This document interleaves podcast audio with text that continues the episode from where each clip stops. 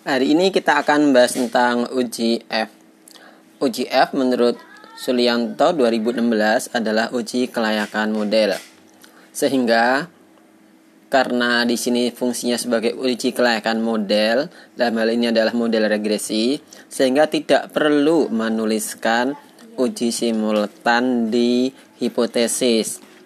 Namun, uji kelayakan model dituliskan di bab 3 sebelum analisis regresi.